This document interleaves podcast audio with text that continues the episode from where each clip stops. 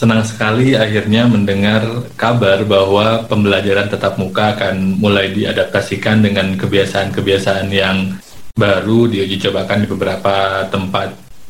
Setelah dua tahunan ini lebih kurang kita lazim mendengar keluhan baik dari orang tua, guru, pihak sekolah, pedagang kecil yang biasa uh, mangkal gitu ya nongkrong di sekolah hingga para siswa. Kita kemudian melihat bagaimana pandemi dalam banyak hal memberikan pelajaran bagi sistem pendidikan kita, tetapi bukan berarti kita tidak bisa belajar dari segala situasi yang tidak ideal selama pandemi ini.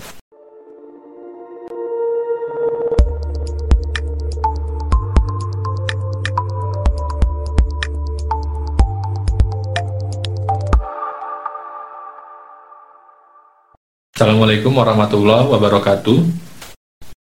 Kalau kita berbicara pendidikan, pendidikan dalam Islam adalah sesuatu yang sangat fundamental, yang sangat penting, yang saking pentingnya disifati sebagai fardu ain bagi setiap individu muslimin wal muslimat yang kontraknya adalah seumur hidup minal mahdi ilal lahdi. Yang bahkan dalam proses pencariannya itu Rasul menganjurkan walau bisin, walaupun sampai ke negeri-negeri yang jauh, ke Tiongkok dan lain-lain, yang penamaan uh, Tiongkok di dalam hadis tersebut lebih ditekankan pada situasi di mana pada saat itu Tiongkok adalah negara yang sangat maju secara ilmu pengetahuan.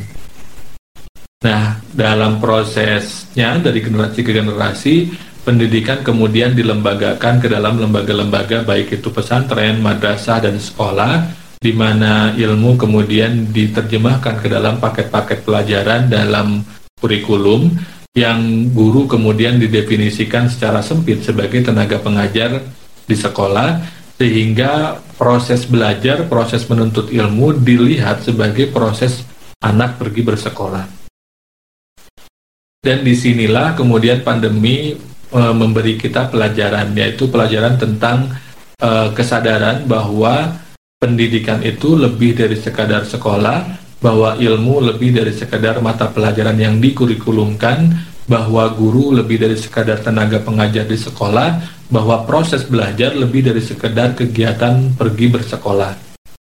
Kita disadarkan bahwa pendidikan adalah sistem yang jauh lebih besar ketimbang sekolah sehingga pendidikan bisa terjadi di mana pun. Kalau kata Ki Hajar Dewantara, kita mesti menjadikan rumah kita sebagai uh, tempat di mana pendidikan berlangsung uh, di mana ilmu ternyata lebih besar dari sekadar mata pelajaran yang dikurikulumkan, yang mana yang menjadi guru tidak hanya tenaga pengajar di sekolah, tapi juga sebetulnya dan sejatinya adalah orang tua. Dalam Islam, misalkan ibu disifati sebagai madrasatul ula, madrasah pertama anak-anak.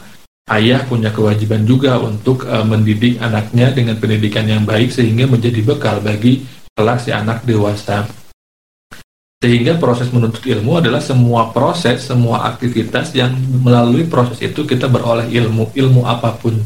Baik yang berhubungan dengan mata pelajaran maupun yang tidak. Melalui pandemi kita menyadari itu kembali. Orang tua dalam tanda kutip dipaksa untuk mengambil peran kembali sebagai madrasatul ulanya anak-anak. Kemudian pelajaran yang dipelajari juga ternyata mesti disesuaikan, dilonggarkan, tidak bisa semua kurikulum diajarkan karena kondisi yang tidak ideal, sehingga anak-anak juga didorong untuk melakukan refleksi terhadap apa yang terjadi di sekitar sebagai bagian dari proses uh, pembelajaran. Dan kita kemudian melihat bahwa pandemi ini uh, setidaknya seharusnya secara ideal kita lihat sebagai proses untuk membuat kita ngeh sekali lagi bahwa pendidikan lebih dari sekolah ilmu lebih sekedar mata pelajaran, guru lebih dari sekedar tenaga pengajar, menuntut ilmu lebih sekedar dari aktivitas pergi bersekolah. Uh, Hikmah yang kedua, pelajaran yang kedua yang saya lihat kita dapatkan dari proses pandemi ini adalah bahwa semua pihak yang terlibat di dalam proses pendidikan akhirnya didorong atau dipaksa untuk uh, adaptasi terhadap teknologi yang bisa jadi tanpa pandemi mungkin proses adaptasinya akan jauh lebih lama dan lebih panjang. Misalkan guru dituntut untuk menguasai teknologi digital, untuk mencari proses atau media pembelajaran yang sifatnya dapat diakses secara online dan seterusnya. Begitu pula orang tua dan peserta didik atau siswa. Hikmah yang ketiga, um, pandemi memberi kita pelajaran dalam hal bahwa ternyata kita jadi menyadari bahwa infrastruktur sekolah, infrastruktur sistem pendidikan di Indonesia ternyata belum ideal dan ini dapat dimaklumi pertama karena memang wilayah geografis Indonesia yang sangat luas, yang sangat kompleks ter, uh, termasuk juga kaitannya dengan kultur yang sangat uh, beragam, yang sangat multikultural dengan agama yang juga banyak sehingga implementasi uh, uh, penekanan infrastruktur sekolah yang setara secara kualitas juga menjadi PR yang sangat besar yang perlu terus diupayakan uh, bersama kita menyadari bahwa ada beberapa sekolah yang mampu untuk beradaptasi dengan PJJ dengan sangat baik, tapi juga ada banyak sekolah yang keteteran dalam bentuk PJJ. Sehingga hikmah berikutnya adalah itu mendorong kreativitas dari tiap sekolah, kreativitas yang bahkan sifatnya kontekstual sesuai dengan kebutuhan dan tantangan yang dihadapi. E, situasi yang tidak menyamankan pada akhirnya mendorong seseorang untuk mau tidak mau mendobrak kebakuan, mendobrak status quo untuk menemukan cara-cara baru, cara-cara yang kreatif agar proses pendidikan bisa berjalan dengan seoptimal mungkin dalam kondisi yang tidak ideal tadi. Terakhir, hikmahnya adalah pada akhirnya pandemi ini bisa kita lihat sebagai juga pengalaman kita semua, tidak hanya siswa, untuk melakukan proses experiential learning.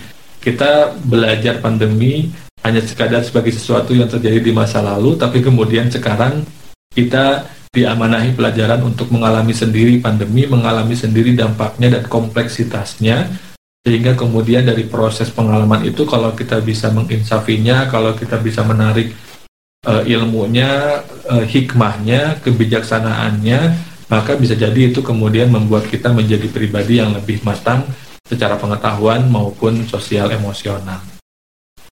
Terima kasih itu saja untuk episode kali ini. Wassalamualaikum warahmatullahi wabarakatuh.